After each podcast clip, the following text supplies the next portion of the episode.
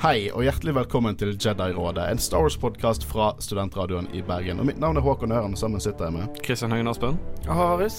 Og Mathias Løvik. Vi har fått gjest fra Hardcore, spillmagasinet Hardcore. Yep. Og du har en Star Wars-CV, har du ikke? S- En Star Wars-CV. Ja, hva, hva, Hvor er din interesse for Star Wars? Uh, fra 1 til 10. Du kan snakke litt om hva, hva, hva du setter pris på i Star Wars. Og hva er liksom Hva er din favorittfilm? Eh, oh, shit, nå ble jeg putt uh, altså, skikkelig eh, in the fire her. Men um, uh, Revenge of the Sith. Det er favorittfilm? Ja. Ja, du, Så du, du er en eh, hva de kaller det, en prequel-list? Ja, Oi, veldig. dette her er gøy. Ja, det er forfriskende. Veldig gøy. Jeg liker de bedre enn original trilogy. Wow. Oi, dette er veldig gøy! Synd det er ikke det vi skal diskutere, da. Eh, jeg beklager, men vi skal nå endre samtaleobjekt. Vi skal gå inn på prequel-trilogien versus originaltrilogien. Men eh, seriøst, eh, jeg trodde se- du nevnte at han hadde faktisk Har du Star Wars på CV-en din? Begynte jeg virkelig å lure. Ja, nei, det har jeg ikke. Han spilte spilte stand-in til Hayden Christensen i Ja. episode to. Ja. Uh, nei, men Stunt double. vi har fått gjest, eh, og dette her er, dette her er en bonuspodkast. Eh, slapp av, det kommer en episode til riktig tid neste uke også. For det vi skal snakke om The Mandalorian sesong én i sin helhet. Vi skal diskutere litt hva vi synes om det, hva vi eh, synes er bra, hva vi synes er dårlig, hva eh, den eh, ulike karakterene gjør, hva, hvilke hendelser som virkelig sånn satt, stilte seg ut eh, gjorde seg bra, og så skal vi spekulere litt. For det negative med alt dette her med hvordan The Mandalorian har blitt sluppet, er jo det at eh, det ikke er, teknisk sett er i Norge ennå. Og jeg, eh, vi begynte å dekke dette etter Rise of Skywalker. Det vil si at alle episodene var ute. Nesten alle episodene var ute. Så vi har liksom ikke fått gjort det gøyeste med å, dekke denne serien. Vi har ikke fått spekulert fra episode til episode. Vi, vi, vi har visst alt, så vi kan ikke spekulere. Men nå kan vi det, for vi vet ikke hva som skjer i sesong to. Men eh, sesong én har nok kanskje gitt oss et par eh, eh, par eh, røde tråder som kanskje kan følges. Eh, og for de som venter på eh, Disney Pluss i Norge, så tror jeg faktisk skal lanseres nå i sommer. Det er det ryktene tilsier. Ja, og så vil jeg òg. Altså. bare gratulere Håkon med å si 'spekulere' riktig. Bare spankulere, beklager. Spektisere. ja. Men eh, nok om, eh, om oss og dette. Nå skal vi bare snakke om The Mandalorian etter denne lille spoiler-advarselen.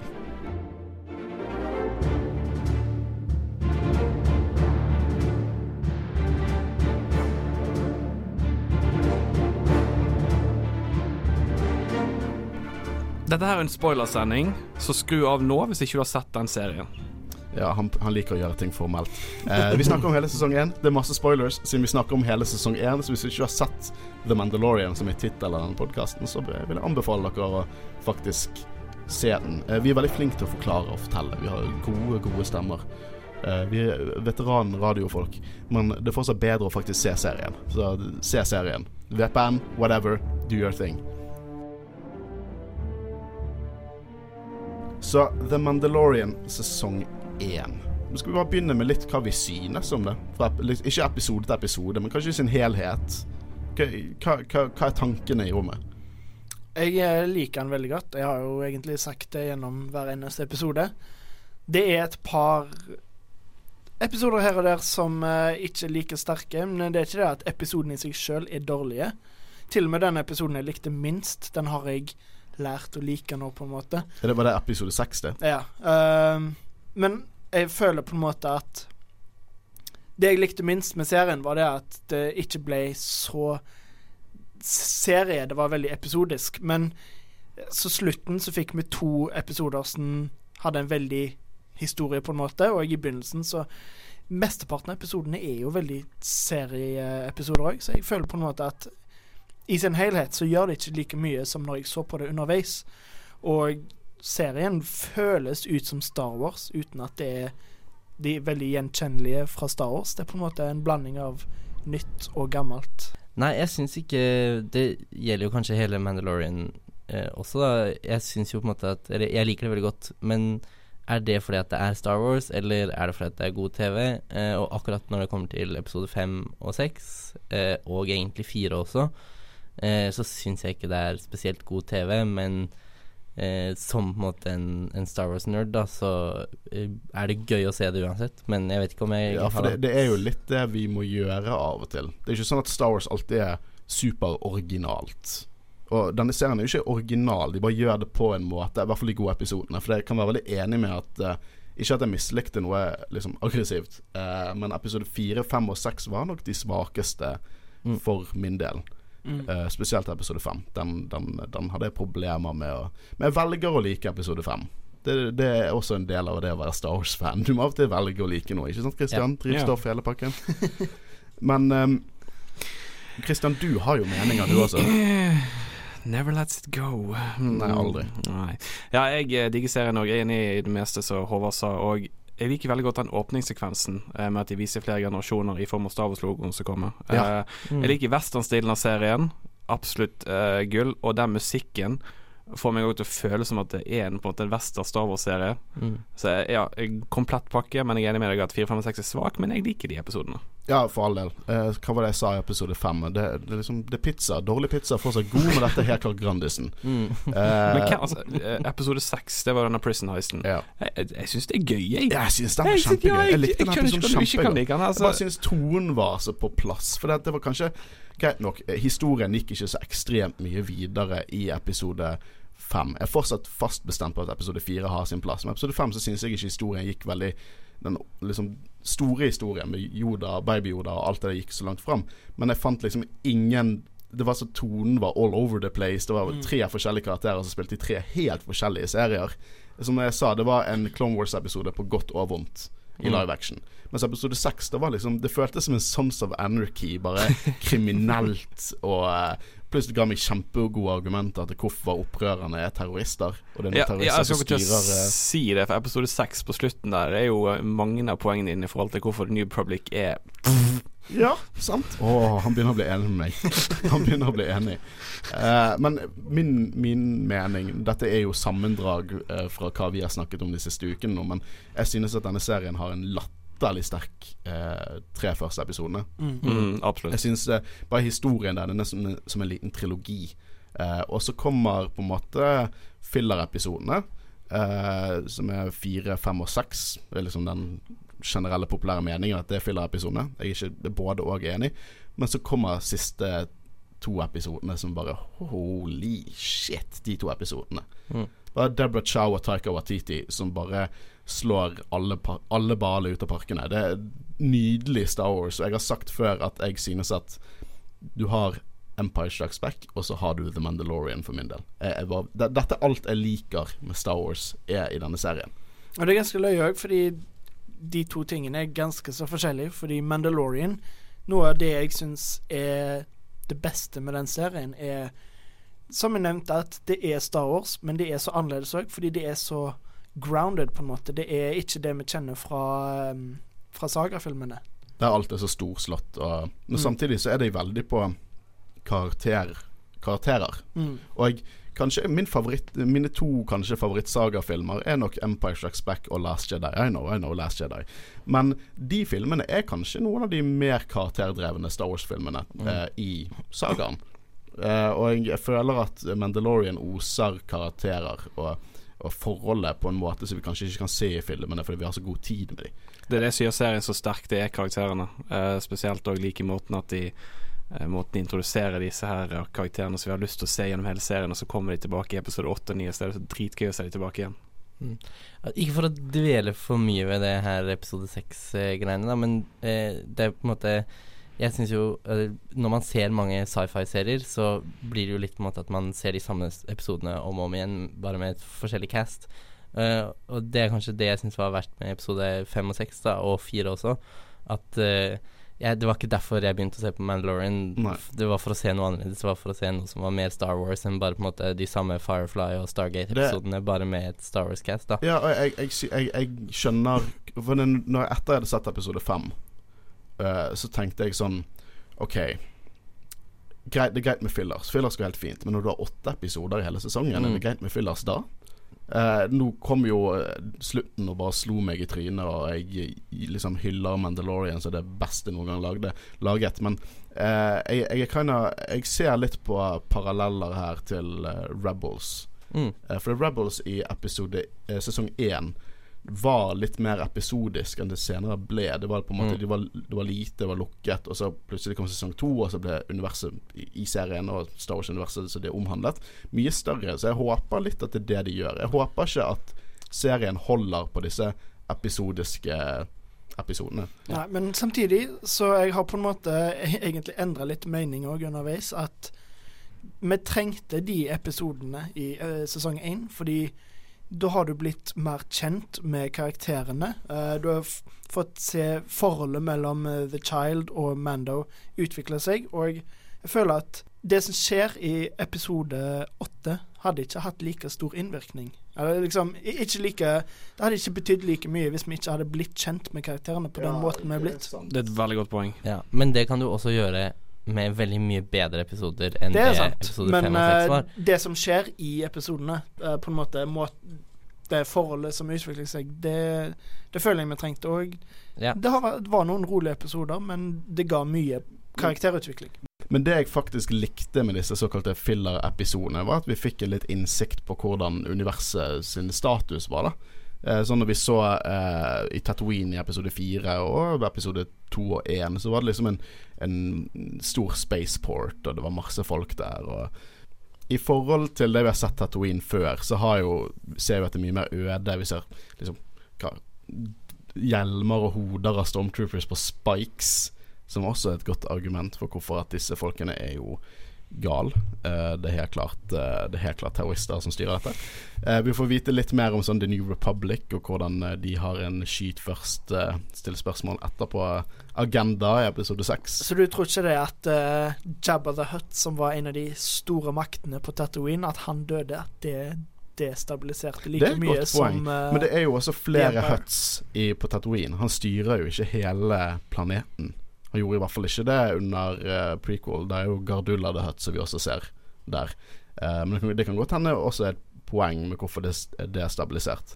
Men jeg tror også det Du ser jo de døde stormtroopersene. Som sagt, jeg holder på den teorien at jeg tror at Tatooine var sånn der eh, og our homeboy Luke fra hjemplaneten Tatooine, og så går de bare full blown rebel hele planeten. De har liksom ikke noe De har ikke noe, har ikke noe kontakter med The Bounty Hunters Guild. Det er så vidt jobb å finne der. Eh, så jeg tror, det, jeg tror de episodene sier mer om universet enn vi tror. Og når vi snakker om sånn fillers For Dave Filoni han lagde jo episode fem. Og husker i Rebels, når det pågikk, så fikk Rebels mye kritikk for at det var mye fillers. Og så sa Dave Filoni det er ikke fillers, dere bare vet ikke ennå. Så det er derfor jeg kanskje tenker kommer Fennek Shan tilbake, selv om hun lå der og så ganske død ut? Eller er det ting vi fikk vite i de episodene som kommer tilbake igjen, som vil ha et viktig poeng der vi tenker etter vi har sett sesong to eller tre og tenker bare Ja, det, det så vi i de episodene. Så det, det, det, kan hende at de episodene har mer å si senere. Hvem vet? Men eh, noe jeg synes denne serien gjør ekstremt bra, er å balansere hardcore Star Wars law eh, med et produkt som alle egentlig kan se.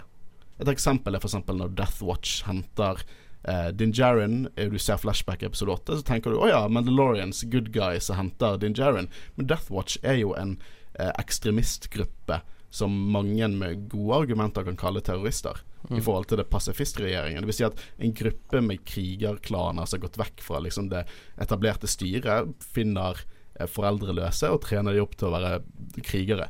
Og det er en shady ting. Men det er ikke sånn at det er bare kul, dyp kunnskap folk som vet litt mer om Star Wars har, mens de andre på en måte som bare ser Mandalorian og nyter det som en serie, de på en måte De, de tar ikke skade av det.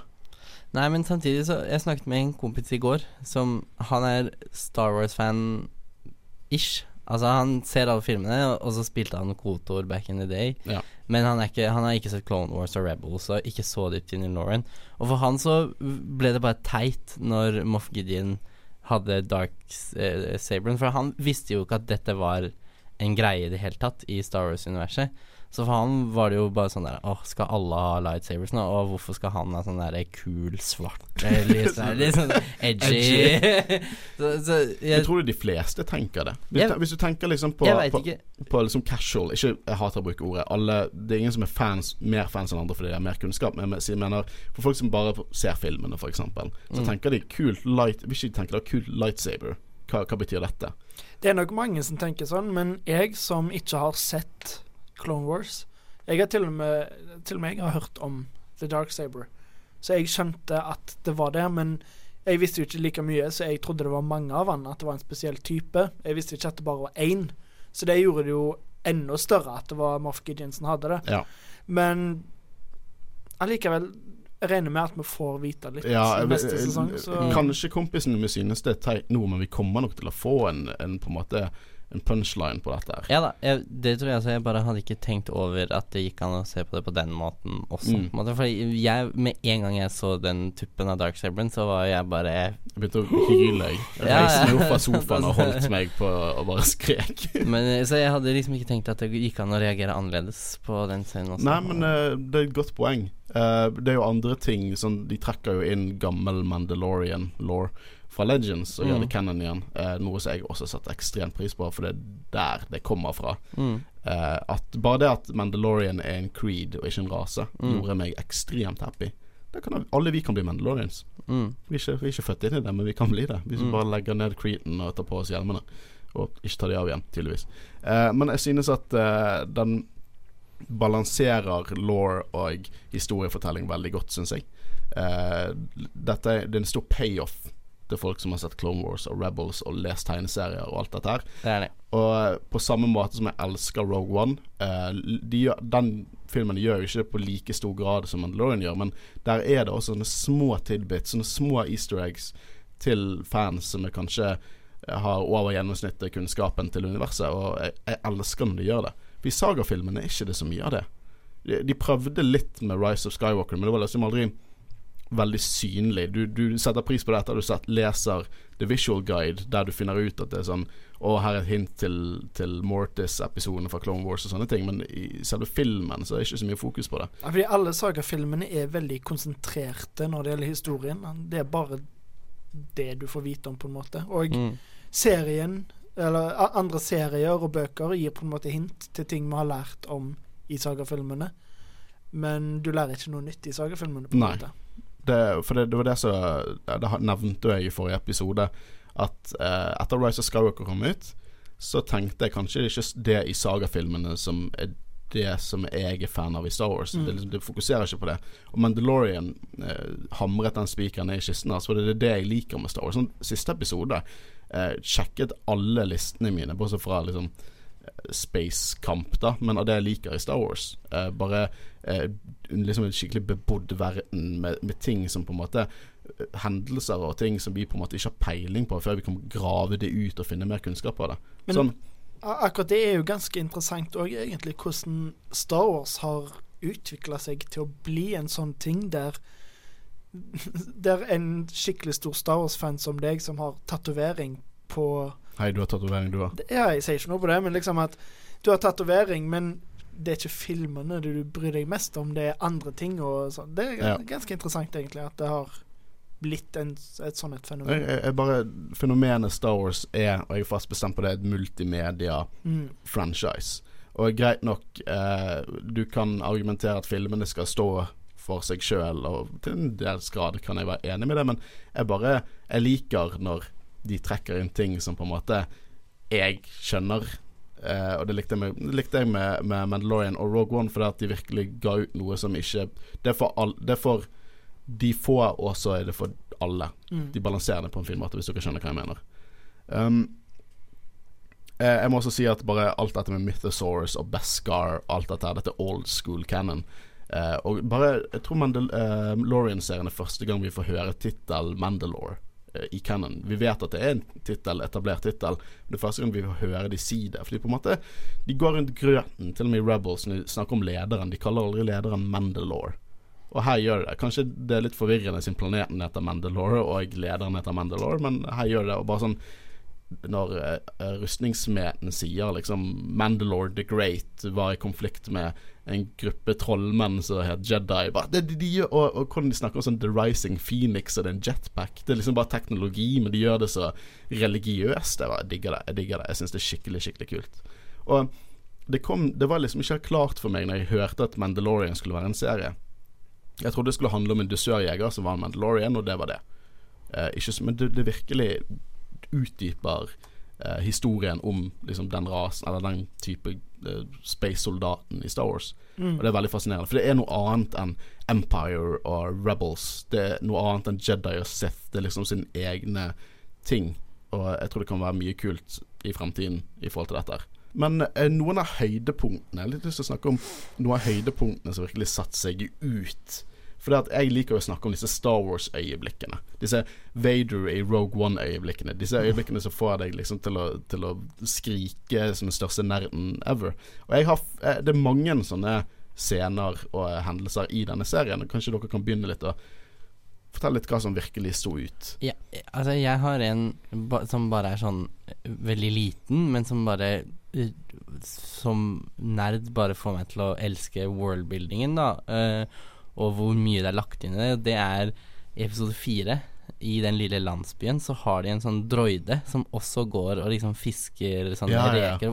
Og den droiden, jeg elsker den droiden. Det er så kult at det på en måte de, de klarer å balansere den fantasy eh, Altså sci-fantasy-greien så bra, da, med at det er den, Hele den landsbyen er jo en superklassisk sånn eh, middelalder-fantasy-landsby.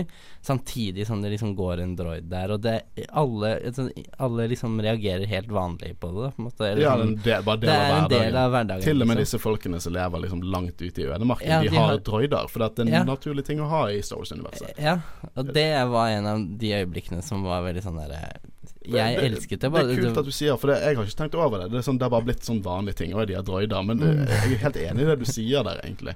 Og så det begynner å få- meg til å tenke på den der uh, eh, astromech-droiden med armer og bein som Ja.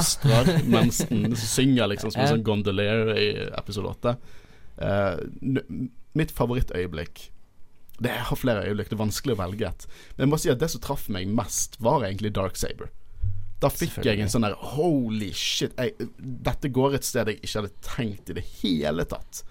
Eh, og det, det er jo bare det at det Moff Gideon som kutter seg ut av Tie Fighteren sin med en eh, svart sverd. Bare når tuppen kom ut, så begynte jeg å hvile. Eh, Altså, og Sorry.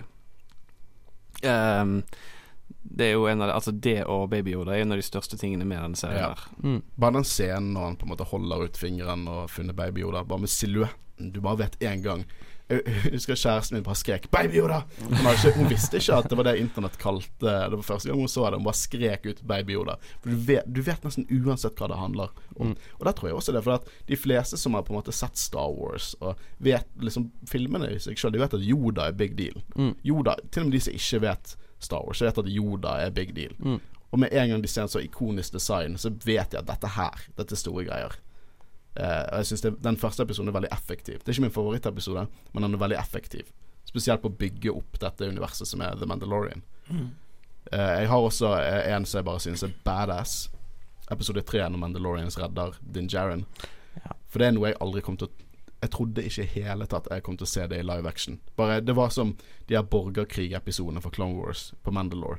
Når, Mm. eh, når eh, Obi-Wan bare åpner den døren, og du bare ser fullt av Mandalorians som flyr etter hverandre. Det var det i live action, og det fikk vi se i denne serien. Men Håvard, du har jo innsikt. Innsikt, ja. Men uh... Har vi sagt alt, alle de gode nå? Ja, egentlig. Men uansett, så Jeg kom ikke på ett øyeblikk som står ut. Men egentlig alt med Baby Yoda, fordi når jeg, Det var rykter om at vi skulle få vite mer om rasen til Yoda i, uh, i Mandalorian. Det var rykter om før det kom ut, og da var jeg ikke veldig glad for det, fordi jeg likte at det var et mysterium Ja. rundt det. Og jeg følte ikke at vi trengte å vite det. Men etter å ha blitt kjent med Baby Yoda, så er det liksom Jeg, jeg klarer ikke Det, er noe av det Men koseligste fy med søren, for et fenomen. Ja, ja, ja. Og det er bare helt fantastisk. Eh, En ting jeg eh, En scene som jeg vil nevne, er at eh, de viser jo kraften i denne serien, men, men det er en scene spesielt uh, som jeg uh, syns er veldig eh, flott. Det er den scenen når uh, Baby Yoda redder Mando og stopper det Neshornet, eller hva kaller du det? Mudhorn. Mudhorn, Ja. takk skal du ha. Jeg syns den scenen eh, Jeg ble mindblown av den scenen Ja, det er en god scene. En veldig god scene. Det, jeg snakket jo om det når vi dekte eh, episode to. Fordi at vi ser en baby Yoda, så antar jo vi at han har The Force. Ja. Liksom det, At han hadde The Force, det var bare sånn Ja, ja, han har jo helt klart The Force. Så når det skjedde, så tenkte jeg ja, selvfølgelig. Så det ødela litt Det er nesten sånn at jeg ønsker jeg ikke har noe kunnskap om den rasen, men jeg hadde kunnskap om The Force, for å se det sånn og bare Holy shit, han har The Force. Men jeg kunne gjerne tenkt meg eh, Spekulerer vi nå, eller Spankulere? Ja. Spektisere? spektisere? Jeg kunne, jeg kunne gjerne tenkt meg å gått dypere inn i rasen til Yoda i sesong to av Mandalorian. Nå vil jeg det. Jeg ville ikke det før Mandalorian kom ut, men nå er det det eneste. når, når vi hørte disse ryktene, var det sånn George Lucas har vært med og skrev, skrevet om Yoda-rasen som vi kommer til å besøke i The Mandalorian. Så tenker vi sånn The Mandalorian skal besøke Yoda-rasen av alt? Hvorfor, liksom, liksom En gjeng med Bobafetter skal liksom ha noe med Yoda-rasen å gjøre? What the fuck is this? Det var det var min reaksjon. Og så bare naila de det. Det, det. det er så naturlig nå. Liksom bare Baby Yoda Mandalorian. Det er så naturlig. Og jeg det faller jo godt inn i neste segmentdebatt, der vi skal snakke litt om de ulike karakterene. Eh, da kan vi begynne med Din Jarin og Baby Yoda, for jeg føler at jeg har jo en teori om at The Mandalorian hinter til begge de to, ikke bare én av de. Og jeg, jeg synes at begge de to som en eh, duo fungerer nesten som én karakter. De, de på en måte komplementerer hverandre veldig godt, da. Mm. Hva synes vi om hovedpersonene våre? Altså, jeg syns jo Er det Din Jarin han heter? Ja. Han er jo egentlig ikke så mye en karakter, på en måte. Altså Jeg, syns han har veldig begrenset med måten han spiller på karakterene rundt seg, og så uh, syns jeg ikke han har så veldig mye backstory enda til å gi liksom reflektere hvorfor han tar de valgene han gjør og sånn. Og greit nok med no droids, liksom, at han ikke liker droider, men jeg er fremdeles uklar på hvorfor han har valgt å, å ta, Å ta med vare seg på Baby Yoda. Ja, Jeg følte jo episode åtte virkelig understrekte det. da Hvordan han ble hentet opp av Mandalorian så han absolutt sårt trengte det. Han ble reddet av de Og Du har jo til og med den scenen som eh, viser på en måte at han som unge ble fløyet vekk av Mandalorian. Og så neste scene har du på en måte flashback-scenen. Neste scene så ser du at Baby Yoda på en måte ble fløyet vekk akkurat på samme måte. Jeg synes det på en måte viste litt av det. Han er en person uten noe sted, og på en måte han føler det at han ser kanskje seg sjøl litt i han. Selvfølgelig, men jeg tenker også at altså, han er jo en bounty hunter og har reist rundt galaksen og gjort all slags mulig fæle ting, og jeg skjønner ikke hvorfor det er på en måte akkurat med Baby Yoda at det blir sånn Da får han med en gang det farsinstinktet. Eller på en måte Har du sett Baby? Du er men jævlig jeg, jeg regner jo med at han mest sannsynlig har sett veldig mange andre barn rundt om i galaksen i Det- ganske det- forferdelige posisjoner, på en måte, så jeg skjønner ikke helt hvorfor han på en måte bare instantly Men jeg tror ikke det er så mange av de barna som reddet han da. Nei, men det gjorde jo ikke Baby Yoda i episode 1 heller. Jo, han reddet jo han i episode to. Ja, men i episode 1. Det er jo der han bestemmer seg for å Ja, Når han det- det- skyter det var- den IG Er det IG11? Ja. Ja. Det tolker jeg mer det at han fikk beskjed om å få han Å ta han med kan til i livet. argumentere for at det var dealen. At, for det, han sa jo det at de ville jo ha han i live. Og så begynte de etterpå sånn Men hvis, hvis du ikke får han tak i livet, så kan du ta med død. Mm. Så jeg tenkte jo at han Ja ja, her har jeg den lille ungen, ta han med tilbake i livet. Men et, det er vanskelig å tolke noe ut ifra at han fjerner jo ikke hjelmen før episode åtte. Ja. Så var dette her liksom noe følelsesladet som gjorde at han gjorde det? Var det begge deler? I så fall eh, For enten var det det at han kunne få mer penger ut ifra å ha han i live, eller så var det det òg at han ikke hadde bare lyst til å drepe han. Ja, for jeg tror det er det mer at det at han ikke har lyst til å drepe han. For det, altså sånn som jeg tolker den scenen, og så står han jo veldig Når den kapselen åpner seg, så står han jo veldig lenge uten å si noe eller på en måte Mm. gi noe tegn til hva han føler, og det tolker jeg på en måte som at han har et veldig emosjonelt eh, øyeblikk på en måte Men, seg. men det tror jeg også sånn- kan ha av sin barndom, liksom. Ja da, men jeg bare skjønner ikke hvorfor det skal skje akkurat der og da, på en måte. Jeg syns det er litt sånn plot armor. Men jeg tenker en episode i sesong to kommer jo garantert Eller kunne fint vært en flashback med mer bakgrunnshistorie i forhold til Mando. Jeg kunne veldig gjerne likt å sett hvorfor han hater droider så mye, f.eks. Jeg føler det ble forklart ja, det ble ganske forklart. godt. da Du ser jo disse super battle droidsene som Ja. dreper familien hans. Ja, og det Ja. Jeg syns det er veldig godt forklart, men jeg, jeg skal faktisk ikke si nei til å se mer Super Battle Roads i Ja, eh, jeg- For ja, de var jeg helt sinnssykt kule Ja, de har aldri vært så skumle før. Altså. de var sinnssykt kule, så det sier jeg gjerne Ja, ja de, de har fy søren. Uh, for det at uh, en ting som jeg virkelig ikke liker med prequel-trilogien og Clone Wars, men saks skyld, er at hvor goofy de er droidene er. Men her er bare Terminators, nesten. Jeg digger Mm. Ja, ja, det. Liker du ikke når de sklir på oljen i som Nei, Jedi That's a. Jedi fighter, all right. Back to work. God damn it. er Eller når. C3PO får hodet sitt koblet på en droidekropp. Nei, Jedi Dogs. Uh, nei, I feel quite beside myself. uh, kjæresten min elsker jo puns. Hun syns jo det var det gøyeste ever. Og jeg, hun elsker C3PO. Virkelig elsker C3PO. Uh, men ja, eh, flashback-scener gir meg mer. Liksom, jeg, vil, jeg vil se i sesong to kanskje flashback-scener fra når han ble trent opp, Ja. kanskje. Og det tror jeg vi trenger for at karakteren din, Jaren, skal Men jeg vil kunne også få litt eh, mer inntrykk Da er det mer sånn Jeg sier ikke at det er nødvendig nødvendigvis å ha det med i serien, men det at uh, Mandalore som system trengte jo ikke flere folk på den tiden, men Death Mm. Watch trengte flere folk, så kanskje vi kan få se litt understreket hvorfor de vil ha mer folk. jeg klart sikkert fordi de vil ha flere krigere og på en måte ta over Mandalore, men kanskje Kanskje hans hverdag som, som barn under Death Watch kunne vært interessant. Kanskje når han faktisk sverger til Creedon, som er Mandalorians. Mm. Jeg tror sånne scener kunne vært skikkelig kult. Ja, og så er det jo veldig interessant altså Indre konflikt er jo på en måte et tema som går, har gått gjennom Star Wars siden de første filmene.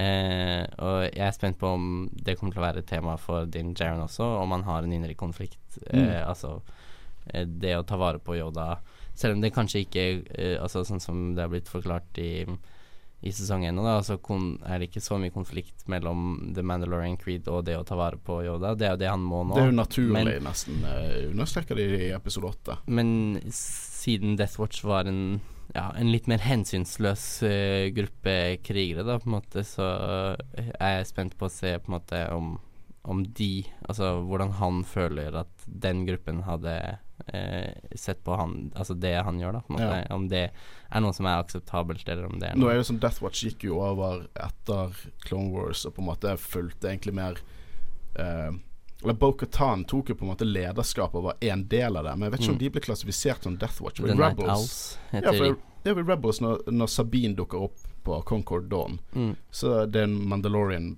på en måte planet der du har på en måte Mandalorian Super Commandos. Og jeg, eh, Da sier hun at hun er en del av House Wiesla, og alle de Mandalorians reagerer på at hun er en forræder. da Mm. Så det, er vanskelig å si om på en måte eh, For han vokste jo mer Han må ha vokst opp under på en måte borgerkrigen. Eller i hvert fall under keiserlig eh, styre. Så Ja. kanskje vi får noen scener hvordan Mandalore var under keiserlig styre. Ja. Vi fikk jo litt hint til det i Rebels, men det, det er mye kult å ta tak i det, i hvert fall. Eh, men det jeg synes som på en måte Hvorfor jeg har lyst til å diskutere de som én karakter? For at nå har vi en hovedperson som så vidt fje, viser fjeset sitt. Og jeg synes at cinematografien og musikken og alt hjelper veldig på hva vi tolker at han føler. Jeg synes de gjør en veldig god jobb til det. Jeg, jeg er veldig glad for at han ikke fjerner hjelmen sin. Eh, jeg kan skjønne at eh, noen synes For jeg har hørt flere klager at Og vi får ikke se noen følelser. Men jeg føler at det er derfor Baby Yoda er der. For å på en måte Mm. Uten Baby Yoda så hadde ikke The Mandalorian vært like interessant. Mm. For det er der han på en måte er motor. Det er der vi på en måte ser alt. Da. Så Derfor synes jeg den duoen Jeg tror ikke denne serien kunne klart seg uten den ene eller den andre av den, den, den duoen. Mm. Men samtidig, så selv om han ikke tar av seg hjelmen, som vi har jo nevnt det i flere episoder, egentlig, at han gjør en, Eller den som er i drakten, gjør en utrolig god jobb Ja. med kroppsspråk og få fram andre ting. Er det spoiler å si hvem som er i drakten? Eller, altså Nei, nei, det er jo Nei, ok. Pedro Pascal. Eller det er jo spoilers, Ja, men, nå vet jo de. eh, Det er jo det at uh, Eller, ja, du må, men, At han ikke alltid er i drakten. ja, han er ikke alltid i det drakten. For det var jo en kontrovers at han ikke alltid var i drakten. Og Oi, okay. ok. eh, for det at, uh, han var vel ikke i drakten før Han fikk jo ikke rollen før langt inn i innspilling. Ok. Så han er ikke alltid i drakten. Men jeg kan ikke si 'who cares' høyt nok. Du vet at det er ikke James Earl Jones som er i drakten til Darth Vader. Tro det eller ei, det er ikke han. Sånn, who cares? St liksom Stuntman gjør en kjempegod jobb. Og jeg synes at eh, voice-actingen til Peder Pascal i de første episodene der vi vet han ikke er i drakten, jeg, jeg syns det, det, det Han gjør en kjempegod jobb. Mm. Jeg syns det. Jeg må også si jeg er veldig spent på om eh, det kommer til å være flere Altså om eh, eh, Din Jaren, det er den heter? Mm. Ja, eh, Didi. ja, vanskelig navn, eh, som alle andre Star Wars-navn. Om det kommer til å være flere lightsabers inne i bildet her, for det han Vil må jo Hæ? Ville vi det? Nei, jeg vil ikke det, men han må jo også ta opp kampen mot uh, Moff Gideon på ett tidspunkt. Ja. Eh, og jeg, jeg tenker at med på en måte den bakgrunnen som The Dark Saber har, så hadde det vært urettferdig om han liksom bare stjal den fra skipet. Ja. sånn. det, altså, det, det, det må Men skje det, på en sier, sånn det du sier der, er egentlig perfekt overgang til å snakke litt om det, han som viser seg til å være the big bad i denne serien, Moff Mm. Gideon. Vi ser han ikke eh, Vi ser han egentlig bare i to episoder. Han ble snakket om i, Han hintet til i episode tre. De sier at det er en tredjemann som er ute etter. Og eh, vi, vi skal ut, gjennom eh, spekulere litt på motivasjonen hans på slutten av episoden her. Men hva synes vi om han som karakter? Han skriker Empire. ja, det gjør han. ja. Han skriker Empire. Men Eh, jeg, jeg, syns, jeg syns også at Hva heter han skuespilleren? Et eller annet Espinosa et- Giancarlo, uh, Ja, Giancarlo Esposito. Esposito. Esposito. ja. Ja. Han spiller jo på en måte den samme rollen når han spiller bad guy. Syns du det? Ja. For at jeg reagerte på at jeg var litt redd for at Ok, han skal være med i Mandalorian. Han kommer til å være Gus fra, fra Føler han er litt Gus. jeg synes syns han er veldig Gus. Jeg Jeg Ja, for det Gus er så veldig sånn eh, Han er på en måte så rolig og så kaldblodig, og det er jo han her, men han er på en måte Han er bare han er bare loud commentator alt som skjer, og bare full eh, Han har på en måte full peiling, og han er aggressiv og sint, og det er ingenting du Det var ikke Gus. Gus var rolig. Du, skulle, du kunne ikke lese Gus. Kunne lese Moff Gideon, syns jeg. Ja, det var syns kanskje et poeng. ja, jeg syns ikke det. Jeg syns han blir veldig gøs. Jeg syns et av de få øyeblikkene som også er veldig bra øyeblikk fra Mandalorian, er når han blir overrasket over at uh, Din Jaren fremdeles er på vingen hans, da, under, og du ser han reagere med frykt, på en måte. Ja. Sånn, han faktisk viser følelser.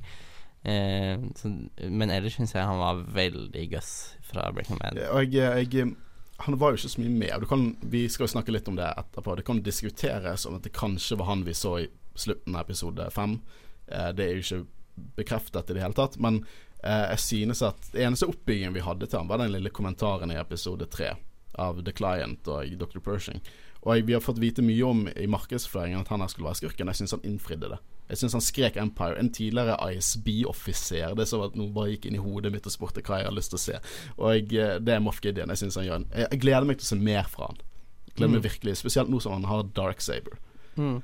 Men det er jo ikke det at jeg syns at han spiller dårlig Nei, nei, når han spiller ikke. Gus heller. Han spiller jo en god bad guy, men det Men han er jo typecastet. Ja, det er det. Sånn Ja, ja. Det føles veldig som at de bare har gått for en som ofte spiller bad guy. Litt sånn som eh, Christopher Lee, da, på en måte, som bare Ja. alltid spiller bad guy. Sånn, selv om det er kjempegode roller hver gang, så er det Christopher Lee. Ja. Det, er, det er han som er bad guyen, det er ikke karakteren Det, som det er er godt at vi liksom. faktisk har en, en Det er greit med å ha en litt kjent person. Jeg føler det at Star Wars gjør det ofte, spesielt tilbake i originaltrilogien. De, er sånn, de, de kjente skuespillerne var liksom sånn eh, Var på en måte Tarkin og, og Obi-Wan. Men du har på en måte når bad guyen er en kjent en, så er det på en måte litt mer gravitas enn de kommer. Det er ikke noe sånn Dette er første personen som har spilt dette sånt andre innspillingsjobben de har. Jeg synes at det er en god idé å ha han i den rollen. Vi vet at han type bad guy, og jeg synes han innfrir det på alle mulige måter. Samtidig som de balanserer det, synes jeg, med mange som er unknowns, da, på en måte. Ja. Som, eller om ikke unknowns, så på en måte mindre skuespillere, Ja, ja. Liksom, hvor dette er den liksom For det at uh, pa, uh, uh, The Mando-skuespilleren Glemmer alltid navnet hans. Pedro Pascal Han er jo ikke en kjempestor skuespiller. Vi husker han veldig ikonisk i popkultur pga. Game of Thrones. Ja. Det er der på en måte vi har han. Og jeg husker når, de, når det ble sagt at han skulle spille han, så var jeg skikkelig hypet fordi at han gjorde en skikkelig god jobb i Game of Thrones. Mm. Men det- gjorde òg en eh, veldig god jobb i eh, Narcos. Ja, det Ja. har ikke jeg sett ennå, men jeg har hørt eh, gode ting. Ja. Uh, det er flere karakterer i den her. Jeg har litt lyst til å snakke om Cara Cynthia Dune. Eller Cara Dune uh, i serien. Og jeg, det, det, jeg ble litt stresset over valget av skuespiller. Eh, for hun Hvorfor husker jeg ingen navn i dag? Hun fra Deadpool. Hun Deadpool. jeg kjente henne ikke igjen før Gina Carano. Gina Carano. Det var Hæ? ikke før Fra du Deadpool? sa at hun var med i Deadpool, og så bare Åh, Hvem spiller ja, hun ja, ja. Hun spiller liksom henchman-ladyen eh, til han der eh, Hun som tar en Francis. eh, superhero landing, vet du. Ja, sikkert. Ja, for hun er jo en ekstremt actionskuespiller. Ja. Hun, hun hadde egentlig ikke lyst til å være skuespiller, hun bare ble castet som sånn actionskuespiller. Hun er ikke Jeg tror hun, er kjem, hun virker kjempesøt sånn på intervjuer, som er veldig glad for å være med i alt som det. Men jeg synes at hun gjør jo ikke Det er jo ikke sånn Golden Globe-vinner her, men jeg synes hun gjør en god jobb. Det er aldri sånn at jeg tenker at dette er skuespill. For at med en gang jeg tenker her er det noen som, eh, som spiller Så jeg, tror ikke ut av det. Men jeg synes ikke Jeg tenkte det mange ganger, spesielt om de der eh, landsbyboerne i episode fire. Der tenkte jeg å, dette her er, dette her er liksom barister fra LA som har fått seg en liten stat statistjobb, liksom. Ja. Som bare emoter som de er på teater. Men ikke hun. Jeg synes hun er interessant. Og vi, hun igjen med dette er gråsoner. Jeg maser om gråsoner hele tiden, men hun er en tidligere eh, Rebel Shock Trooper. Hvor kult er ikke det? Og hun har gjort mye shady, så hun på en måte kan få liksom livstid i mange systemer. Mm. Som bare gjør at hun er en antihelt eh, på en måte vi ikke forventer å se i, i eh, Star Wars-sagaen. Litt sånn eh, Litt sånn Cassian Endor skyte en informantopplegg, syns jeg. Ja. Og eh, spesielt det at hun, hun Du merker at hun bare elsker å drepe keiserlige folk. Elsker det. Så bare, hva er dealen med det? Og så sier Moff Gideon i episode 8 at hun kommer fra Alderon. Og der igjen dette her med at de som er dypt inni Ikke nødvendigvis dypt inni, men liksom, det er ikke så mange som bare ser filmene som underholdning, som tenker at å, Alderon, de, Empire ødela Alderon, hun kommer fra Alderon, da må hun hate Empire. Men det bare Jeg ble så glad når jeg hørte det, for det, selvfølgelig, det forklarer hele karakteren hennes så perfekt. Jeg syns det er skikkelig, skikkelig bra. Jeg bare synes Det eneste med Cara Dune er at jeg, jeg syns det er litt rart at hun ikke har mer kunnskap om The Force og Jedi enn det Syns hun du det? har. Ja, hun Når hun har vært en så integral del på en måte av The Rebel Alliance Men det er jo ikke en en kjent ting at, eh, at Luke er en Force-bruker. Nei, nei, men. Darth Vader må vel vært ganske kjent. Det er heller ikke en kjent ting. Det var, to, det, var, det var veldig få personer som skjønte at dette var Force-greier. Så de Det var det overste, var overste i, i på en måte imperiet som trodde det. Men du at Men allikevel, altså, okay, hvor mange år er det mellom The ja, men og hvor, stort og er Star Wars-universet? Galaksen, liksom. Det er Ja de, de snakker om flere titusenvis av systemer. Men hun er fra Alderon, sant? Ja. Og det er jo en ganske core uh, systems-planet, sant? Regner jeg med. Altså, Ja, men, eh, sånn som jeg har forstått det. Den er, det er iallfall ikke Outer Rim. eh, Nei, men- men Og hvor lang tid er det mellom Clone Wars og, det ni, og nå er man episode tre og episode fire. Ja. Og hun ser ut som hun er midt i 40-årene sine i Nei, ikke midten av eh, 40-årene sine. Hun ser i løpet av 30-årene sine. Ja, men jeg tipper egentlig at hun er litt eldre enn det hun ser ut som. Ja, men Det- okay, det tror jeg er. Så Altså, dette jeg- kan ni år etter episode fire. Så ca. 28 år etter episode tre. Ja, og det, jeg synes, altså Hun har iallfall levd uh, under styret til Ja. eh, The Republic, og da syns jeg det er veldig rart at det bare sånn Du plutselig vet ingenting om Altså, du må jo ha visst noe om en sånn supergruppe med trollmenn som brukte ha, lasersverd okay, har, hadde har du noen gang møtt en Nobels fredsvinner? Nei? Nei. Det er 10 000 Jedi Ja. i galaksen. Ja. Hvis det er 10 000 folk på jorden, kommer du til å Er det stor sannsynlighet 10 000 spesielle folk på jorden. Er det stor sannsynlighet for at du kommer til å møte på en av dem? Nei. Nei. Og Men jeg, kan, jeg vet jo hvem de er. Jeg vet Ja, jo hvem men Albert Einstein møtt, er, liksom. Ja, ja, men du har, møtt, du, har, du har hørt historier. Ja. Det er det du har hørt. Du har ikke, du har ikke hatt personlige på en måte eh, erfaringer med dette. Men, eh, og dette er etter at Empire har tatt over og bruker propaganda til de grader for å si at dette her er fullt av eh, conmenn som på en måte prøvde å ta over eh, senatet og sånn. Jeg synes det er mer sannsynlig at folk ikke vet hva The Force er, enn at folk vet hva The Force er i, i dette universet. Tenk, det, er- I Clone Wars så sier de at en li, liten del av på en måte galaksen er Mandalore, som styrer 1000 uavhengige systemer. 1000 uavhengige systemer! Men jeg er helt med på at folk, sånn som de landsbyboerne, eh, tror på at uh, The Force er magi og triks og sånn, men hun som på en måte har allerede tatt et aktivt valg med å ikke kjøpe inn i Empire eh, eh, Hun gjorde jo ikke det når hun var ung. Eh, For alt vi vet nå, det var faktisk Alderon var hennes catalyst for å joine eh, opprørerne. Det er jo det de hinter til. Liksom Imperiet kommer ødelegger Alderon. Vi husker at de store systemene som eh, Alderon og Coruscant hadde ikke nødvendigvis så gale under keiserriket. Nei da, nei. Det Keiserriket gjorde mye godt. Selvfølgelig er, ja, selvfølgelig er de Ja, men de gjorde jo det. De sier jo det også i serien. At liksom, det, var jo folk som Hele grunnen, liksom, grunnlaget for universet vi ser i Mandalorian, er jo det at det, var ikke alle, det er ikke alle som er på en måte fornøyd med at opprørerne har tatt over. Det er ikke alle som er fornøyd med hvordan de styrer, og kanskje de foretak imperiet. Det er liksom Det er snakk om lesser evil her. Og om Empire er det lesser evil av opprørere som tar over galaksen, det er jo et diskuterbart, men det er jo det det er snakk om i, i, til slutt. Men jeg tenker liksom Altså um, jeg eh, Jeg vet ikke hvor sofistikert Star Wars-universet er, da, men jeg i dag vet jo hvem på en måte Julius Cæsar var, og hvem Djengis Genghis Khan var, og sånn, og jeg vet jo på en måte Ja, eh, vet litt av de tingene Han tingene han jeg vet jo om alle disse store folkene som han liksom erobret. Liksom denne en eller annen, eh, en eller annen gallerleder. Vi vet jo om Vercingetorix, men vet vi sinnssykt mye om hvordan de gjorde det, eller de store krigerne på den siden. Det er jo liksom Nei, nei. sei, det er seierherren som skriver historien, og det føler jeg imperiet virkelig understreker. De, skriver, de manipulerer historien. Altså En ting også som viser til at The Force ikke kanskje kjent over hele galaksen, er jo det faktum at uh, Han Solo spilte Harrison Ford, uh, sier jo i episode fire at uh, han ikke har hørt om en kraft som styrer alt, på en måte. Det, det alt som jeg tror disse folkene har hørt om, er at det var generaler under, under klonekrigene. Og visstnok skulle de vært, hatt spesielle krafter, og dette er jo vandrehistorier på dette tidspunktet. I hvert fall når eh, universet er så langt. Eh, men jeg synes jo helt klart det du sier er noe som kan diskuteres. Bare for min del. Eh, igjen, er det som metergrunner så liker jeg når folk ikke helt er klar over hva The Force er. Bare Ja. sånn Ja historiefortelling. ja. Men jeg synes også i universet at det gir mening at folk ikke vet hva det er. Ja, for det gjør ikke jeg. Jeg syns det er veldig god historiefortelling. Men jeg syns det er urealistisk at uh, en så uh, mye kunnskap om eh, Og det er liksom ikke kunnskap om sånn hvordan koke vann på den best mulige måten. på en måte Det er sånn Ok, du klarer å koke vann på andre måter. Det er kunnskap om på en måte hvordan manipulere universet rundt deg, uh, og altså å bruke livsenergien i selve Ja, ja, universet det- det til å liksom- manipulere hvis andre mennesker og objekter rundt deg, da. Det er liksom ikke nødvendigvis at det er liksom en livsstil, hvordan bruke the force på de beste måtene for å forberede livet ditt. Det er mer sånn OK, eh, hvis vi tar kommunist-Kina. Mm. All den eh, store eh, sulten på 50-tallet som Mm. drepte flere millioner.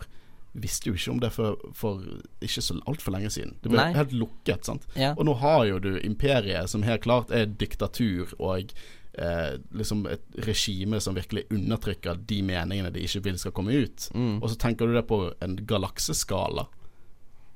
Ja For det er jo garantert andre folk som vet om The Force, Og du vet, men bare ikke alle. ja, det, det blir mer som en tro. Det det òg Du tenk, bare tenk eh, et eksempel her hvor fort ting eh, blir utdatert på internett. Sånn eh, En skandale som skjer nå, er glemt om to måneder. Det er det ingen som snakker om det på internett. Mm. Og det synes du kan sammenligne med at med, når du har galakseskala og som er så knyttet med flere planeter, med så mange milliarder mennesker, så blir ting glemt. Spesielt når du kaster en dose propaganda inn der. Ja da, men poenget mitt er at de tingene som blir glemt, er jo de mindre viktige tingene. Folk husker fremdeles at eh, Altså at Trump ble president, eller at Bush ble president, liksom. Fordi at det er så store ting i det politiske bildet, da. Vet, men i- det, det, det, liksom, sånn- sånne ting som det Når blir ikke imperiet styrer det, så kan de på en måte gjøre hva faen de vil. De fleste trodde jo at uh, Palpatine var en, bare en, en fyr som så helt grei ut. Liksom Til og med på holonettet viste jo de han bare som en vanlig politiker. Det var det folk trodde han var. mm. Til og med vi ser det i, i Rebels, når han skal på en måte eh, manipulere Ezra. Så ser man han kommer frem som en helt vanlig mann. Og jeg, eh, jeg tror ikke man skal undervurdere makten til propaganda. ass. Selv om jeg syns det er helt klart du har poeng. Jeg syns det er absolutt diskuterbart. Jeg syns det. Eh, men vi har flere karakterer å snakke om. Eh, jeg, Grief Carga. Jeg tror det er karakteren med minst karakterutvikling, men allikevel så er jeg veldig underholdt. I have spoken, er det han? Uh, nei, det er jo, det er jo eh, Mando! Uh, Guild-lederen. Ja, ja, han er en ja. skammet eh, magistrate, eh, og jeg er veldig glad i penger, virker det som. Eh, han, Det er egentlig det som er karakteren hans. ja, det er egentlig det som er karakteren. Han har ikke utviklet seg så mye i siste scene med han. Så han får sånn Ja, ja, men nå kan vi starte igjen, og dere kan være mine top dogs. Og, men jeg synes at han har en sånn cheesy, harry, god del av eh, universet. Han Mm. er jo Carl Weathers, eh, og jeg eh, Jeg føler det Jeg fikk litt sånn Predator-vibes av Cara Dune og jeg eh, og jeg, eh, Mando, når de på en måte blir sånn best buddies, og det er det handshaket de har når de sier de skal snakke senere. Og han her er jo uh, kjent fra Predator og Arrested Development, selvfølgelig. Det der jeg kjenner ham best fra. uh, og jeg synes at ja, han, han, gjør, han har en sånn god litt sånn acting-tilstedeværelse. Og ja, kanskje gå litt tilbake på det når jeg ser folk spiller, men jeg vet ikke. Han er så goofy, og hver gang han møter Mando, så er det på en måte så høytidelig og, og corny. Jeg, jeg, jeg digger det. Han, han er bare en naturlig del av litt sånn 70-talls-viben til Star Wars. Mm. Det er jo ikke så mye å diskutere om karakteren hans. da Og jeg vet ikke om jeg er så interessert i hvor det går videre. Jeg bare synes han er på en måte en god comic relief i den gjengen. Og Ja. sånn Akkurat nå føler jeg at vi uh, har sett nok av han. Han, Ja, han trenger ikke å komme tilbake. Jeg, jeg, tre- Nei, jeg- trenger egentlig ikke mer av han. Skulle til å si at jeg tror hans ark er ferdig. Det er til og med sånn når uh, Moff Gideon begynner å si at han vet all bakgrunnen, så sier han liksom Cara Cynthia Dune, shock trooper from Alderone, bla, bla, bla, og Din Jarin, uh, Mandalorian, uh, alt det der. Og så sier han Grief Garga Ja, du pleide å være magistrat. Ikke så mye mer. um, og Queel. Det er I have spoken. Ja. Ja. Og jeg må si at han har den mest impactfulle døden, for min del, av Mm. noen Star Wars-karakterer. Av noen. Og det er den som holder Over deg Obi-Wan. Ja, og Obi-Wan, faen.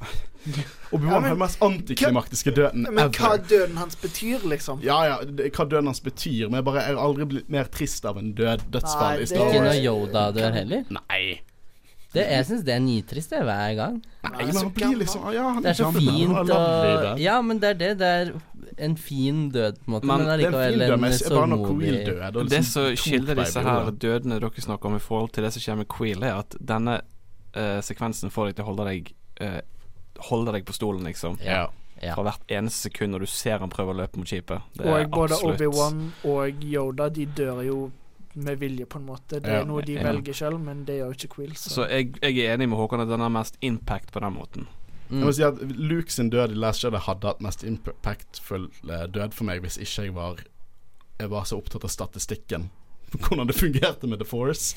At ingenting av de traff meg første gang jeg så det. Det var sånn her, Ja, men hvordan Hæ, har vi sett det før? Bla, bla, bla. Så Nei, det er Queel som tar eh, kaken. Og faen, for en god karakter. Eh, eller Jeg vet ikke om Han bare Han er blitt så ikonisk på så kort tid. Han har jo ikke vært med så mye, men likevel så bryr jeg meg så sinnssykt mye om han. Han er en stor kilde til mye kunnskap vi har om universet nå. Han, er han som bekrefter at Baby Yoda ikke er en klone.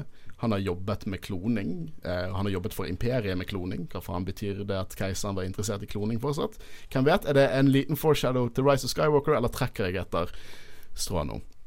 Jeg tror jeg gjør det. Ja. Eh, men eh, Og bare hans på en måte Det der I have spoken, så jeg føler virkelig på en måte representerer det at han har vært i tjeneste rest i mesteparten av livet sitt, og nå har han kontroll. Det Nå, nå sier han det han mener, det er ikke noe bullshit der, på en måte.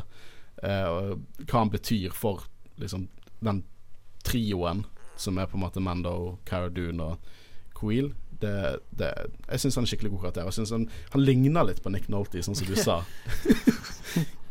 Han gjør det, det og jeg syns de praktiske effektene der er virkelig top notch. Mm. Eh, Han var i begynnelsen av serien noe jeg Fordi det første jeg tenkte når jeg så Mandalorian episode 1, var at dette var goofy. Det var liksom Det var helt annerledes enn jeg forventa, og jeg var litt sånn usikker. Jeg Liker det, eller liker det ikke? Og det var noe med måten han snakket på, fordi du så liksom at han bevegte munnen annerledes, og det var litt sånn par små ting, men han har virkelig vokst. ja, Lipsynkingen er litt sånn sketchy, men likevel så er bare det er en del av sjarmen. Mm. For det, det jeg liker Det, det er bare en del av hvor taktil denne serien føles. Det, vi, ja, vi snakker om det føles som Star Wars hele, hele tiden, men det føles som 70-talls, 80-talls Star Wars på mange måter. Mm. Uh, og jeg, eh, igjen, jeg tror den der eh, teknologien de har brukt med digital bakgrunn framfor green screen, virkelig er med på å føle at man er liksom til stede der. Mm. Eh, for man merker jo det. At uh, det er noe annet enn green screen. Virkelig, den teknologien er virkelig interessant. De har så å si LED-skjermer rundt hele settet, så de, de går igjennom. Så gjør at også skuespilleren kan mer interagere, eller føle de kan interagere med omgivelsene sine, som er veldig kul teknologi. Mm. Derfor er jeg også så glad for at eh, John Favreau er showrunner her, for det, han er jo all på dette teknologien. Og jeg tror at Josh Lucas også setter veldig pris på hva de gjør med det. Han har jo vært på settet flere ganger, og visstnok har han vært med på å skrive mye av dette her med Baby Yoda og Yoda-rasen. Um, vi har jo også et par andre karakterer. Vi må snakke om The Client. Ikke det at han har han, på, han er på en måte catalysten for eventyret til Mandalorian, da, men grunnen til at han er fascinerende, er jo av gode gamle Werner. Jeg kan høre om han snakker om The Mandalorians og, i, i flere timer. Hver gang Hva er det han sier? Let me offer you a libation to conclude our shared narrative. Jeg tror de bare har latt han gå amok. Jeg bare forestiller meg når han kaller John Favreau og Dave Filoni for uh, cowards. Don't be a coward. Nei, eh, Werner Herzog er Legende. en legende. Det er ikke noe annet å si. Og eh, han skriker også Empire. Ja. Jeg vet ikke hvorfor. Jeg hadde ikke trodd han skulle gjøre det, men Han skriker Empire på en annen måte. Ja, han skriker en sånn keiserlig guvernør eller noe sånt. Bare kommer han klærne han har på seg. Han, han skri, skriker Empire på, ja, på en veldig annen måte enn Moff Gideon. Ja. Han virker ikke som han var affiliated med The Empire liksom før The Empire kom til makten, Mm. men at han bare har embracet uh, den, det styresettet med en gang det kom. Ja, ja, ja. Og uh, han er jo en av eh, my boys på å snakke om hvorfor The Empire did nothing wrong. Som jeg setter pris på. Og jeg ser i øynene dine, Christian, at du setter pris på det, du også. Mhm. Eh, og det er, bare, det er synd at han døde, men eh, han hadde så stor tilstedeværelse. Mm. Eh, og eh, igjen, denne serien har virkelig Den har på en måte skapt veldig ikoniske Star Wars-karakterer. Mm. Ut ifra nesten ingenting, syns jeg. Mm. Um, og jeg, hans duo er jo Dr. Pershing, og det er ikke mye jeg, eh, som fascinerer meg over hans karakter, men hva han betyr, fascinerer meg litt mer. For han har jo denne kloneikonet på seg. Han er en doktor. Han reddet eh, Baby Yoda, sa han sjøl i hvert fall. Eh, og han er jo kanskje et lite hint til hva vi tror keiser ikke vil med Baby Yoda. Eh, jeg tror vi kommer til å få se mer, mer av han i sesong to. Det tror jeg. Mm. Jeg tror det er mer å fortelle der. Spesielt også Mando trodde jo på han. Han lot jo han leve når han på en måte tok denne John Wick-Batman-eventyret sitt inn i basen. Mm. Så jeg, jeg, tror er jeg tror han kan ha en viktig del av resten av fortellingen. Og jeg, en annen karakter som også satt mye eh, Som vi ikke vet så mye om, men satt veldig mye, for min del, eh, mye et stort fotspor i dette, er jo rustningssmeden. Eh, spilt av Emily Swallow, hvis ikke det er helt feil. Stemmer det. Som Ja. er kjent fra Supernatural. For Supernatural. Ja. Eh, og hun, jo, hun er jo vår kilde til Mandalorian law. Og når du snakket om dette med at du ikke helt kjøpte at uh, At Cara Dune ikke vet hva The Force er, så kjøper jeg enda mindre at eh, Mando ikke vet hva Jedi er. Mm. Hele grunnen til Mandalorian sin rustning og teknologi er jo for å bekjempe Force-brukere. Eh, og jeg, for å på en måte lukke det plotthullet for meg sjøl, så tenkte jeg det at Mandalorian Han er jo tatt opp under Clone Wars, han har vokst opp under keiserlig styre. Så rett og slett, jeg tror i hodet mitt at prioriteringene til Mandalorians var helt andre ting enn å snakke om en, en, no, en ordre som nå er død. Sier de ikke i første episode på den baren at den kan deflekte en lightsaber? Eller er det Nei, bare laser De eh, De nevner ikke lightsaber okay. Ok. før uh, eh, De snakker nå første gang om Jedi. Jeg liker hvordan hun kaller det Group of Sorcerers. Det, nei, Sorcerer. Det er skikkelig, skikkelig kult. Men hun, hun også Hun viser seg til å være ekstremt badass i den scenen når Stormtroopers bare angriper henne i, eh, smien sin. Mm. Uh, Men an angående det med at uh, hun ikke vet noe særlig om Force og alt mulig sånn hun vet jo litt. Ja, men, det er hun som forklarer det. ja, ja. men det jeg tenkte på, var at eh, eh, Mandalorians er jo sikkert spredd rundt omkring i universet. Mm. Fordi jeg tror ikke dette er den eneste Nei, jeg håper ikke at den eneste coveren heller. Uh, så det er nok det, det er sikkert flere som uh, Som vet mer enn det vi får vite i serien. Ja. Jeg tror bare at dette er relativt unge Mandalorians, og på en måte det de kjenner mest er Imperiet og versus Mandalorians. Og at Jedi-ordren har ikke vært en ting på over 30 år på dette tidspunktet, så det er rett og slett andre prioriteringer. Kanskje de ikke har tid til å drive og fokusere skikkelig på historien til Mandalorian. Så Vi vet jo det at det er andre veier å gå enn noe, sånn som at de ikke fjerner hjelmen sin. Det var jo ikke en ting før. Nei. Kanskje det var gamle, eh, liksom antikke regler, og de ville liksom gå tilbake igjen til røttene av det å være en Mandalorian. Og det å være en Mandalorian tror jeg også er liksom et, stort storypunkt for Mando. Da. Og jeg tror denne serien handler veldig om identitet, mm. hvor man hører hjemme, og, og på en måte Jeg føler den at de ikke tar av seg hjelmen-greien er veldig inspirert av uh, Spartans either return with their shield Ja. or on it. Absolutt. måte, absolutt. Um, så, og Spartans er jo en stor uh, inspirasjon for Mandalorians generelt. Ja, ja, det er jo det. Absolutt. Og jeg, jeg, jeg, tror, jeg tror hun kommer nok tilbake igjen. Hun hadde ikke overlevd hvis ikke de skulle bruke henne mer.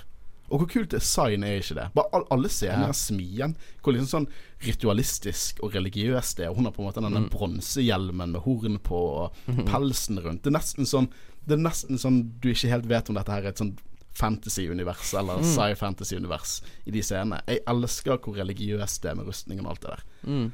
Det er litt sånn veldig Spartan, litt sånn samurai. Liksom sverdet er hellig, og bare rustningen er hellig. Jeg, bare, jeg syns det, det er veldig, veldig, veldig kult. Og med det Rising Phoenix og sånn, var det det? Det er jo Ja. skikkelig sånn kung fu-elementer Ja, absolutt, måte absolutt. det. Og og det er det jeg liker sånn- når Star Wars tar inspirasjon fra historie. Og på en Ja, måte. Jeg tror så mye mer på universet. da mm. Det er så mye mer å si til, Jeg liker bedre når jeg kan si Diskutere på en måte kulturen til en faksjon enn å på en måte si at det er good guys, det er bad guys. Mm.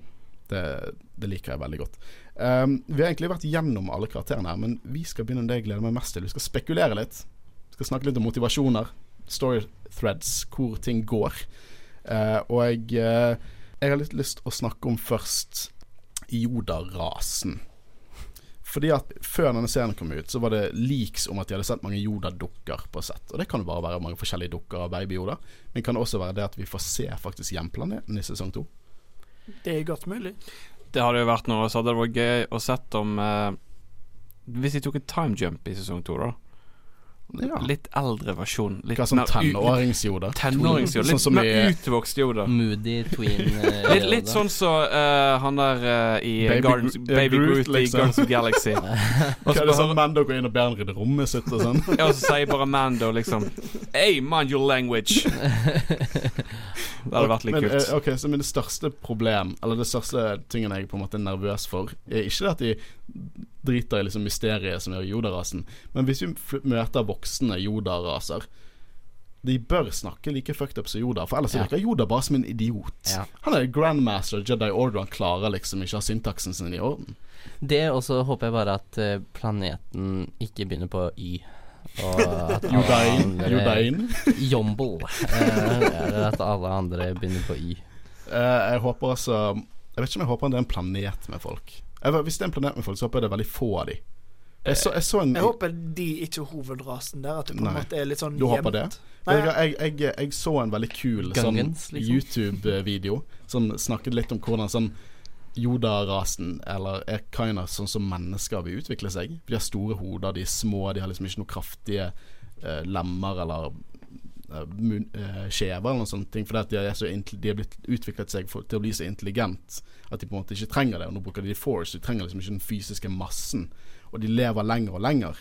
Så derfor eh, driver de og føder mindre og mindre. Sånn som mennesker har gjort. Sånn, for 200 år siden så fikk, hadde jo alle oss vært sikkert besteforeldre nå. Sant? Men Mm. vi, vi henger på Vi henger på på studielivet. Eh, og det er litt interessant, for det kanskje kan forklare hvorfor det er kan, det er kanskje mindre færre folk av den rasen her. Mm. Men jeg, jeg håper det spiller inn noe større. Jeg håper ikke det bare er sånn Mendo kommer der og så slipper av baby-Yoda, så drar de. Hvis de først skal dra, trekke inn Yoda-rasen, så bør de faen meg undersøke De bør utforske litt. De bør vi, kanskje gi oss litt svar på hva The Force er, eller hvordan de ser på The Force, eller hvorfor de er så mektige med The Force. Og så håper jeg også på en måte at, at de, det er et faktisk sted. At de ikke bare kommer et sted, og så er det masse ruiner. På en måte og sånn, Å ja, her pleide folket ditt å bo, på en måte. Ja. Det føles litt kjipt. det kunne vært litt kult, jeg. Som- du sier det. Jeg syns det føles litt kjipt når de på en måte har introdusert karakteren Baby Yoda, så har de på en måte lagt premiss for at nå skal dere få vite Tror ikke du at siste episode av er, serien er at han tar på seg en sånn bitte liten Mando-hjelm sånn store ører. Ja, så kuttet ut. Nei, men jeg, ja, jeg, jeg syns det virker som at de på en måte har lagt eh, premisset her at, er at vi skal få vite hva den rasen De, er. Da, på har jo at- lagt fram dette med Force-brukere som et spørsmål til karakteren. Så jeg vil, ut, jeg vil tro at de på en måte utforsker det der litt mer. Mm. Det var vel veldig spennende å se hva som blir der. Eh, en annen ting som også er litt spennende å diskutere, er motivasjonene til Moff Gideon. For hva faen er det han vil? Han vil ha tak i Yoda Baby, og vi vet at Baby Yoda ikke er en klone. Sa du nettopp Yoda, baby? Jeg sa Yoda Baby. Uh, det er litt vanskelig. Sant? Jeg, gleder meg, jeg gleder meg til å få et navn. Kanskje han bare får et navn. Men Jeg tror Yoda- egentlig uh, svaret på det er det vi snakket om i forrige episode, at han vil bli force sensitive, at han vil bruke han, han vil være en Sith. Ja, jeg Han tror, jeg, tror han, jeg tror han vil være et svar på Vader. Jeg tror han vil For du, du merker når stormtrooperne hans dukket opp, hvor rene og bare effektive de var i forhold til den eh, klienten sine. Skitne og magre og slitne stormtroopers. Det var kjemperene eh, Death Troopers, Incinerator Troopers. Du skulle trodd at dette var liksom i peaken av Empire. og han har full kontroll på absolutt alt som skjer. Eh, han har en lightsaber, og han er veldig interessert i noe med kloning og gener i forhold til en veldig force-sensitive person som i Baby Yoda. Så jeg tror at det er noe der. Jeg tror at han vil på en måte være nytt svar på, på Vader, eller Palpatine for den saks skyld. Mm. Han virker som en person som kanskje har litt mer innsikt i alt dette enn den vanlige. Han virker ikke som den vanlige dumme keiserlige offiseren. Jeg er litt enig. Det virker som han måtte ønsker å sette seg opp til å bli en stor skikkelse for på en måte The Empire videre, da. Men jeg er litt sånn spent også på å se hvordan han er i forhold til andre store skikkelser i, i The Empire. Da. Det, er, det er på en måte litt synd at vi ikke får se han spille mot sånn som eh, Grand Moff Tarkin og sånn, for Mm. det var noe av det jeg likte best med annet Director Krennic i Ja. Rogue One, hvordan han på en måte er en sånn big bad, og så plutselig kommer Moff Tarkin og bare sånn Hei, du er, du er ingenting her. Jeg kommer og bare tar det våpenet som du har bygget, og nå er det jeg som har kontroll, på en måte. Og det hadde vært uh, spennende å se på en måte om um, Gideon virkelig er så big bad Ja. som han er, eller om han bare er enda en For The Empire er så ekstremt stort. Ja, men nå de er det også ulike fraksjoner, da. Som Ja. sier krigsherre. Så det at disse her ikke har noe med The First Order å gjøre. Men også stiller et nytt spørsmål. Har disse folkene noe med The First Order å gjøre?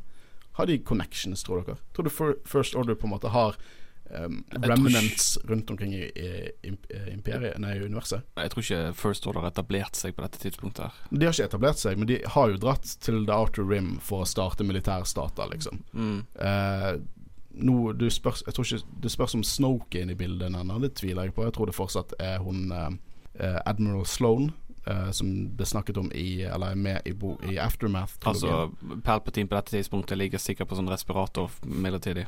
ja, han er sånn, han er sånn Futura, eh, Futurama-hode i en jar. Liksom. Det, eh, men uh, det blir interessant. Jeg håper vi får litt Jeg håper ikke First Order spiller en stor rolle nødvendigvis, men jeg håper vi får noe hint. Bare noen små små hint til at, at Mm. kanskje Moff Gideon er klar over at det er en gruppe som er i Outer Rim, som prøver på noe nå. Det håper jeg. Det har vel vært hintet til at uh, Skywalker-saga-karakterer skal komme inn i, Ja. i Mandalorian-serien. Da, da, da trodde jeg automatisk at det må være noen av dusørjegerne. Det må være noen av Jeg dusørjegerne. husker, jeg husker det der eh, klassiske svaret til John Boyega. eh, They want Disney plus me. Ja, men Disney vil ikke gjøre noe med John Boyega nå etter han gjorde alt det fuck up eh, på Instagram. Ass. Hva var det? Han har bare køddet med fans på veldig upassende måte. Han har så å si bare kuttet alle ties med Disney.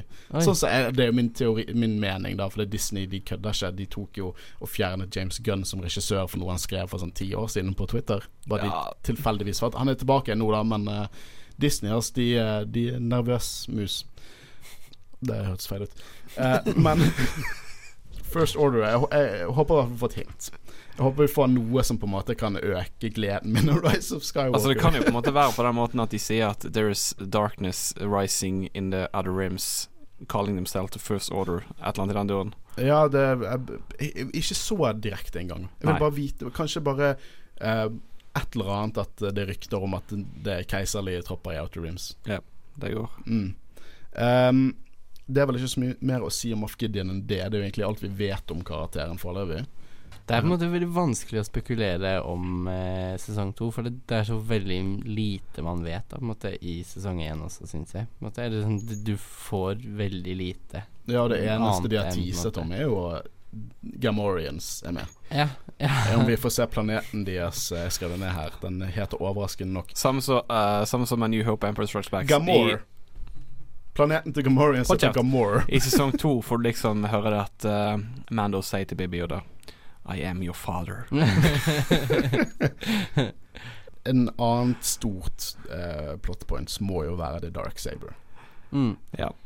Og The Dark Saber er jo et symbol på liksom Mandalore, lederen av Mandalorians, og vi, vi eh, vil Bo-Katan Crease dukke opp, den forrige Mandalore, spilt av Katie Sackhoff i Rebels, eller voice acted i Rebels og Clone Wars. Kommer hun til å dukke opp i denne serien som live action seg? For det er alt jeg vil ha.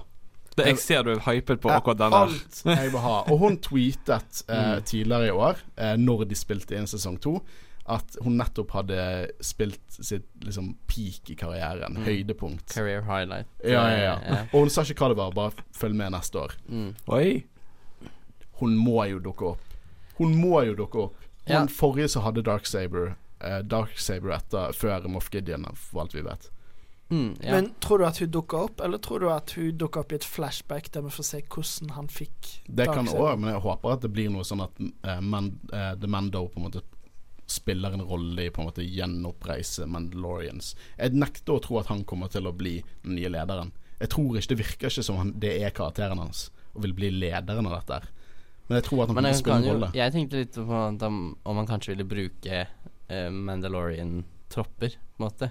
Mm. Altså krigere til å bygge opp eh, et nytt empire. Da. Jeg tror han kommer Hvis Bocat er med, så tror jeg nesten at han, kommer, at han kommer til å støtte hun. Litt sånn Sabine gjorde i Rebels, basically.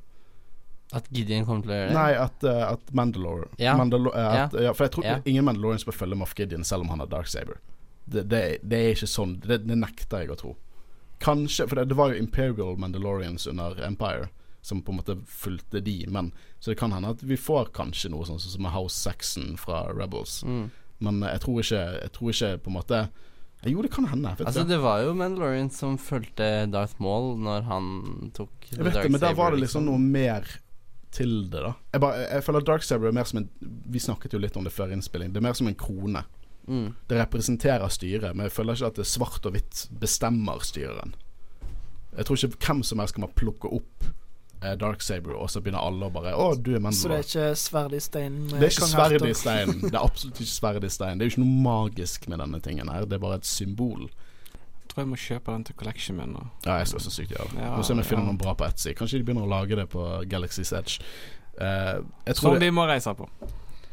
Men det er jeg, Ja, jeg vet ikke. Jeg, jeg syns det er litt sånn vanskelig å vite om det er et symbol, eller om det faktisk er mer sånn som sverdet i steinen, da. At den som holder det, har absolutt makt, på en måte. Fordi jeg føler ikke at vi har fått noe sånn særlig Men jeg føler ikke Mandalorians er så svart og hvitt at de bare sånn følger noe blindt. Vi merker jo også det i, i De gjør jo det med 'This is the way'. Det er jo Ja, ja, This is the way, men det er jo på en måte en rett, livsretning-greiene. Ja, ja, altså. men det er jo erkeeksempelet på å følge noe blindt, på en måte. Ja, men det kan at være de- hvem som helst kan plukke opp Baby Ola begynner å leke med Dark Saber, og så er de bare sånn Oh, Mandalore! Nei, men eh, det viktigste er jo på en måte eh, at det er blitt sagt at eh, for å få The Dark Saber, eller for å eie The Dark Saber, da, så må du vel bekjempe den forrige som hadde det Ja. i, i one-on-one combat, da. Mm. Og det er sånn eh, Ok, hvem som helst det- kan ikke Er er det sånn trylle uh, Harry Potter-opplegg at for å kunne Nei, bruke sverdet, Men, okay, men, så må Nei, du over, okay, jeg tror nei. ikke det er sånn svart og hvitt. Hvis vi ser tilbake i Clone Wars, når Darth Maul vant The Dark Saber, eller Maul vant The Dark Saber, så gikk jo han foran eh, toppen av Death Watch og utfordret Pre Wiesla til liksom ceremonial combat for å være lederen, liksom. Jeg tror ikke, det, jeg tror ikke sånn at Moff Gideon bare legger den på bordet foran rustningssmeden, og hun bare sånn Ja, ja, det er jo det. jeg, Det nekter jeg å tro. Jeg hadde ikke likt det hvis det skjer. Jeg tror jeg, For jeg tror at det er mulig å gjøre. Jeg tror at hvis han har drept Bo-Katan og tatt Dark Saberen, og så presenterer det for en Mandalorian, så må den Nei, jeg, tror, Mandalorian jeg tror det mer, følge jeg tror det er mer omgivelsene rundt der. Liksom Et helt empire kan jo Det er jo sånn du tar The Death Star og bare skyter opp eh, Mandalore, så svever den vekk og bare sånn oh, nå er jeg lederen, for jeg tok den imot. Jeg tror det er mye mer rundt omgi liksom, s- eh, omgivelsene rundt det overtaket, da. Og Ja. for alt det vi snakker om This is the way, må du være Du må jo være, kanskje være en følger av Du må være en Mandalorian for å ta over Mandalore.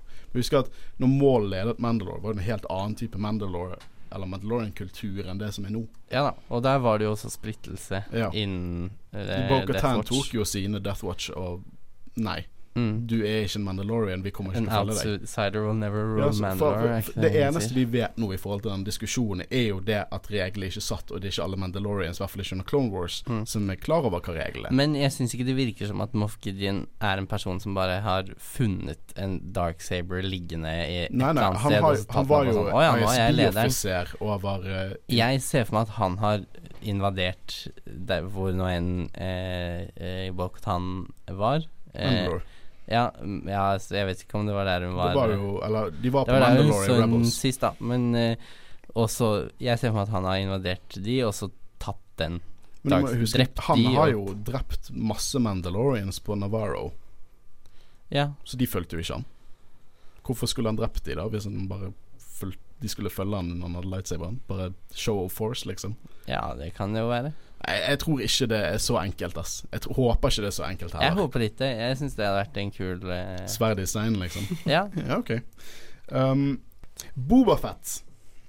Og hvorfor eh, sier jeg Bobafett? Er det pga. en TV-visor, eller fordi at vi kanskje har fått hint om det? For det er den episode fem, The Gunslinger. På slutten av den episoden så ligger Shennek eh, Fennik Shand. Fennec Shand. Hun ligger eh, død, og så ser, hører vi noen lyder. Vi hører eh, liksom spurs, som i sånn western uh, heste...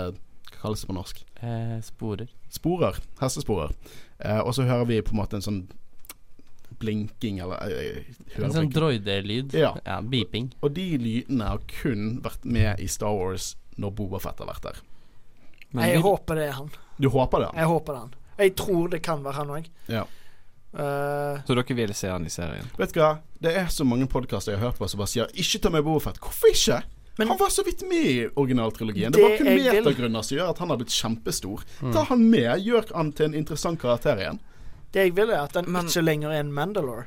Han har jo aldri vært en Mandalorian. Nei, nei, men uh, det vet vi ikke, for det er jo en creed. Det kan ja, hende det er sant. Det eh, åpner opp dørene for at de kan være Mandalorians. Fordi uh, det, Mm. det er vel blitt sagt i en eller annen bok eller noe sånt. at Clone det- Wars ja. sa de at Jango Fett ikke var Mandalorian, men det var sånn en, en, statsminister av pasifist-Mandalore Ja, det kan hende at han bare var en disgraced Mandalore. Ja, for alt vi vet, ja. Men, Men- se for dere da at En Mandalorian, ikke en Mandalore. Ja, ja, men se for dere at, at uh, Mando møter en annen sånn der covert eller noe sånt nå, og så må han Er finne Boba Fett lederen? Nei, nei, nei, ikke det.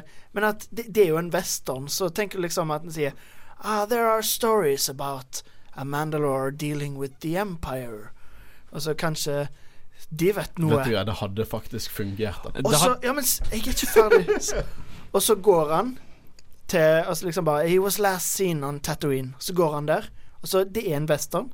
Se for dere Har dere sett Unforgiven med Clint Eastwood? Mm. At ja. Mando kommer og bare I heard you was a Mandalore. Så bare I ain't that no more. Du må si Mandalorian. Ja, Mandalorian. Men eh, jeg Ok, jeg tror skal- det Men jeg må bare på svar til eh, Håvard. Fordi at vi vet jo at the bad guys er jo Moff Gideons Empire nå. Og Boba Fett har jo ikke noe problem med å jobbe med Empire. Enten han er en Mandalorian eller ikke. Det vet vi ikke. Hvis han kommer tilbake igjen og er en henchman for de Det, det er jo det han liker. Det er det han gjør. Det er det han gjør med fritiden sin. Hva, hva, hadde du likt å sett Boba Fett i denne serien? Eh, ja, jeg hadde det, men jeg hadde egentlig sett litt for meg at han har blitt litt sånn grizzled veteran, som på en måte tar opp en sånn en liksom. mentorrolle for eh, Mando. han var jo, han var jo mentor I Legends var jo han mentoren til en rekke hovedpersoner. Så, eh, men der var jo det veldig sånn her Det var tegneserier der de sa sånn her Oh, Fett thinks he's the best. Og så var he, he is the best. He's Boba Fett. Men jeg bare tenker sånn Hvis han skal komme tilbake, så ser ikke jeg for meg et mer Det blir en limited time i så tilfelle. For ellers så føler jeg han tar vekk den karakteren som vi skal følge denne serien, Ja. som er Mando. Jeg, jeg tror ikke han gjør det etter sesong én. Jeg Jo, tror hvis, at, hvis han blir noe- en fast karakter i Nei, det serien kanskje ikke. Så jeg tenker sånn For limited time hadde det vært dritkult å se Boba Fett igjen, men ikke som en fast karakter i serien. Nei, det nei, kan jeg være ja. enig i. Det, ja. Jeg har lyst til å se han. Eh, om jeg tror at det er han vi ser i episode fem, er jeg litt usikker på, for å være helt ærlig. For at det ser Jeg føler at det er mer naturlig at det bare er Moff Gideon. Ja, men hvorfor skal Moff Gideon gå der? Han, let, han leter jo etter Mando, så han på en måte At han er på en måte på jakten etter han, da. Men tror du han er der personlig? Tror du Ja, ikke han tror det. hadde Ja, men, sendt ja, en annen det ser jo ut som det er han. Han er, kommer jo ikke der personlig før han er helt sikker på at ok, nå er Mando her. Og til og med da kommer det jo masse Stormtroopers først. Jeg tror at Rema 1000 han Jeg tror, jeg flyvende tror ned, at Rema liksom. 1000-svaret er at det er Moff Gideon. Det tror jeg. Det enkle er ofte det beste. Jeg tror det, det, det er Rema 1000-svaret. Jeg er fortsatt åpen for at det kan være Boba Fett. Jeg har litt lyst til at det skal være Boba Fett. Um, deal at hvis, hvis Boba Fett er med i en senere sesong, hvordan skal de håndtere det? For han har jo ikke rustningen sin. Han kan ha hentet den tilbake igjen, for all del. Drept den sheriffen som går rundt med rustningen sin på Tatooine. Ja, men Det er jo derfor min teori passer så bra, fordi han er, han er bare en moisture Men farmer da, på vil jeg at, da vil jeg at han skal være spilt av Timora Morrison, som spilte Jango Jeg er Fett. helt enig. Ja. Det må han. Ikke Daniel Logan. Ikke noe offens til han. Men han spilte baby, eh, unge Boba Fett, og han er en voksen mann nå i 30-årene, men han har fortsatt stemmen til baby Boba Fett, og det er ikke det jeg vil se. Dessuten, Jango Fett er jo en klone, og alle klonene vokste jo opp Ja, til å bli faktisk Tomorrow Morrison sin alder funker bedre enn en Daniel Logan sin. Det, og, og han ser jo så badass ut. Bare ta litt arr på han og sånn. Kanskje et lite skjegg. Kom med den New Zealand-aksenten sin. Jeg, det, hadde digget å se det. Hadde virkelig digget å se det. Um, jeg, eh, jeg vet ikke hvor mye mer det er å spekulere her nå. Det eneste som sagt vi vet om sesong to, er at det kommer til å være en Gomorian med. Han kommer til å se buff og badass ut. Uh, det er alt vi vet, faktisk. Vi vet at sesongen kommer ut i oktober i år. Forhåpentligvis har Disney Pluss kommet til Norge da, sånn at vi kan dekke det uke for uke. uh, det håper jeg veldig. Uh, men jeg har litt lyst til å snakke om dette med spin-off-serier. For det har blitt eh, hintet til at de kanskje kommer til å lage spin-off-serier fra denne serien. Og det første reaksjonen min er nei, slutt. Fordi at eh, Skal de lage spin-off-serier av Cara Dune? Hvorfor kan ikke de bare utdype, fortelle mer om karakteren i serien? Drit i alt det der. Men hvis de lager en spin-off-serie Mandalore the Great og Mandalorian Wars. Det kunne jeg sett. Mm. De, de name-dropper Mandalore the Great. Men da og det er en føler jeg karakter det vi aldri nesten har ikke visst. blir en spin-off igjen. Det blir bare noe som er relatert til det. Ja, men de teaser der. Jeg sier jo ikke at dette kommer til å skje, men jeg bare Jeg tror at vi kommer til å få se mye mer fra Mandalorians i nye Liksom neste fasen av Disney, tror jeg. De er på en måte de, den andre sett med sånn big players i galaksen, da, på en måte, Ja. sammen med The Hut Empire og Ja, det, og de, de er jo de, de har på et tidspunkt De eh, hatt sånn en tredjedel, på en måte. Ja. De kontrollerer jo mye området. Ja. Og det er på en måte vi har, Nå har det vært veldig mye liksom Jedi versus Sith, da, eller Ja, La oss si Republic Jedi versus versus- Mandalorian, en helt annen type fiende. Ja. Mm, Og det er én ting jeg har lyst til å se, så jeg har lyst til å se det... Jedi som en organisasjon i krig, ja. annet enn hvor fucked up de er i prequelsene. Ja. Og Jeg sier ikke at det er dårlig, jeg sier at de er skrevet for å være fucked up. Mm. Men eh, jeg vil se Jeg vil se liksom Det fikk et hint av i nye Color Rent-tegneserien at eh, det var et holocro holocron fra The High Republic, og det hadde de på seg sånn Old Republic-rustning, som typisk eh, Mm. fra The Old Republic-MMO-et, med sånn ropes over rustningen. Mm. Sånne ting jeg har lyst til å se. Mm. Skikkelig, skikkelig old school legends dratt inn i canon, det vil jeg se. Men når vi har blitt så godt kjent med Mandalores, uh, Mandalorians uh, Hvis det kommer, hvem blir skurkene da? da? Hvem er liksom de fæle i krigen? de fæle i krigen Hvis vi hadde fått sett noen historier om Mandalorian Wars, så hadde det jo helt sikkert vært en grå, eh, gråsonet fortelling, men det hadde jo vært hovedsakelig Mandalorian som er Yep. skurkene. Ja. Absolutt.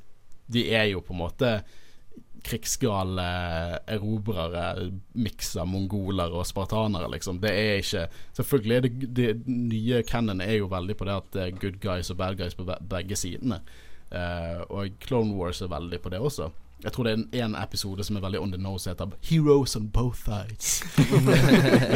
uh, så det er jo sikkert det vi får. Men eh, Det hørtes veldig ut som Mrs. Mrs. Smithers når du sa det på den måten. Smithers. Simpsons. Eh, ja, men det har vi egentlig snakket mye. Er det noe mer dere har lyst til å tilføye her, egentlig? Ikke annet enn at jeg gleder meg. Det så sykt til sesong to. Holy shit. Det og de to andre seriene som kommer. Det blir episk. Ja, for det var Cassian Endor Andor og Kenobi-serien. Ja, og etter ja. Deborah Chow sine episoder her, så skal være showrunneren til Fy eh. Kenobi. Holy shit. Det er episode tre og syv hun har laget. Mm. Og jeg tror Jeg vet ikke, jeg har full håp til Kenobi. Men jeg håper Kenobi-serien blir bare én sesong. En miniserie. Det, det er snakk om en sesong på seks episoder om én time. Det er seks timer. Ja, jeg, jeg, jeg vil ha, vil ha, jeg vil ha Obi-Wan som er deprimert, liksom John Logan, og så vil jeg ha Quaigon som prøver å dra han tilbake igjen. i Hele pakken. Jeg vil, jeg vil ha det. Uh, men jeg, det er mye, mye godt i vente. Jeg, jeg føler Star Wars er noe i sånn phase two. Etter, ferdig med sagafilmene, nå er neste fasen. Og jeg uh, takk og pris for at uh, Mandalorian gjorde det så bra. Det var på et Mm, tidspunkt den mest populære serien i verden, og det ble kun sluppet et par land. Mm. Uh, så jeg tror det er mye å ta tak i der. Bare Holland. håper Disney holder hodet kaldt ikke lag en Baby Yoda-spin-off eller en Caracyn- Caracynthia Dune-spin-off. Bare nå fokuser på denne gode, planlagte historien. uh, og så ser vi hvor det går videre. Jeg gleder meg veldig. Mm. Mm. Jeg vil også bare la deg eh, m- markedsføre programmet ditt så mye du vil, egentlig. Ja, vi eh, Altså, jeg er jo ellers med i eh, et radioprogram som heter Hardcore. Eh, vi sender her på Studentradioen hver tirsdag klokka 10 til 11, og så går det i reprise klokka 10 til 11 på kvelden også, så det er jo med tolv timers mellomrom.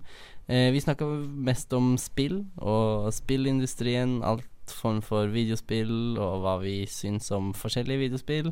Vi skriver anmeldelser på nettet og ja, ja, snakker mye og skriver mye om spill og gjør masse forskjellige ting. Eh, men eh, hør på oss. Eh, du finner oss på srib.no og på radioen på hva er, vi- hva er båndet, holdt jeg på å si, eller hva er er det viktigste. Så ser du, dere er på Spotify og iTunes. Ja, vi er på Spotify og iTunes også, og alle andre steder, tipper jeg, hvor du hører på dine Ja, podkaster. det, når du har den RSS-feeden, så er vi så å si overalt. Ja, så eh, hør på oss hvis du liker videospill. Vi har også en bonuspodkast om eh, Jedi Fallen Order. Ja, og vi tenker å re-release den eh, med ny intro. Eh, siden Jeg er jo gjest på den episoden. Mm. Eh, men jeg tenker alt, alt det viktige ble sagt i den episoden, så vi kommer til å re-release det som en bonuspod her, hvis ikke dere har hørt det.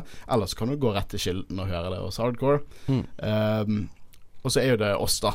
Vi er, har jo Instagram, og vi har Facebook. Og eh, vi vil gjerne at dere følger og liker oss der. Vi liker å interagere med fansene våre. Og hvis dere har eh, lyst til å spørre oss om noe, eller bare gi oss eh, kritikk, eller eh, gladmeldinger, eller whatever, så er det bare å gjøre det. Det bare Vi er veldig hyggelige folk av og til. Eh, men vi har i hvert fall vært Jedi-rådet med Mathias Løvik.